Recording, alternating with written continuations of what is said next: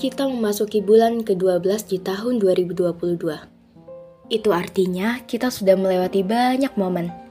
Sudah merangkai banyak cerita. Cerita sedih sudah pernah dirasakan di tahun ini. Perasaan bahagia, sekalipun tidak terlalu banyak.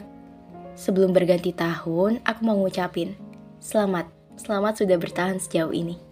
Terima kasih sudah mau bertahan. Terima kasih sudah memilih untuk tetap bertahan hidup.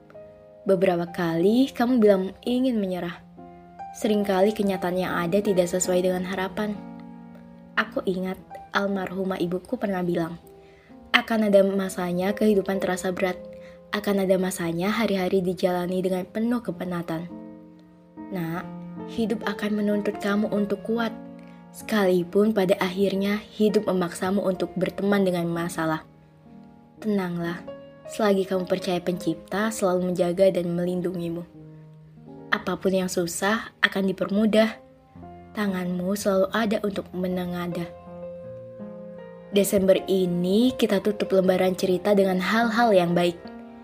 Untuk kalian yang merasa sakit hati, semoga lekas pulih. Untuk kalian yang hampir tidak percaya dengan kekuatan, percayalah pada dirimu. Jaga dirimu baik-baik. Di dunia ini tidak ada orang yang sebaik kamu. Kamu orang yang berharga. Jangan nyerah ya.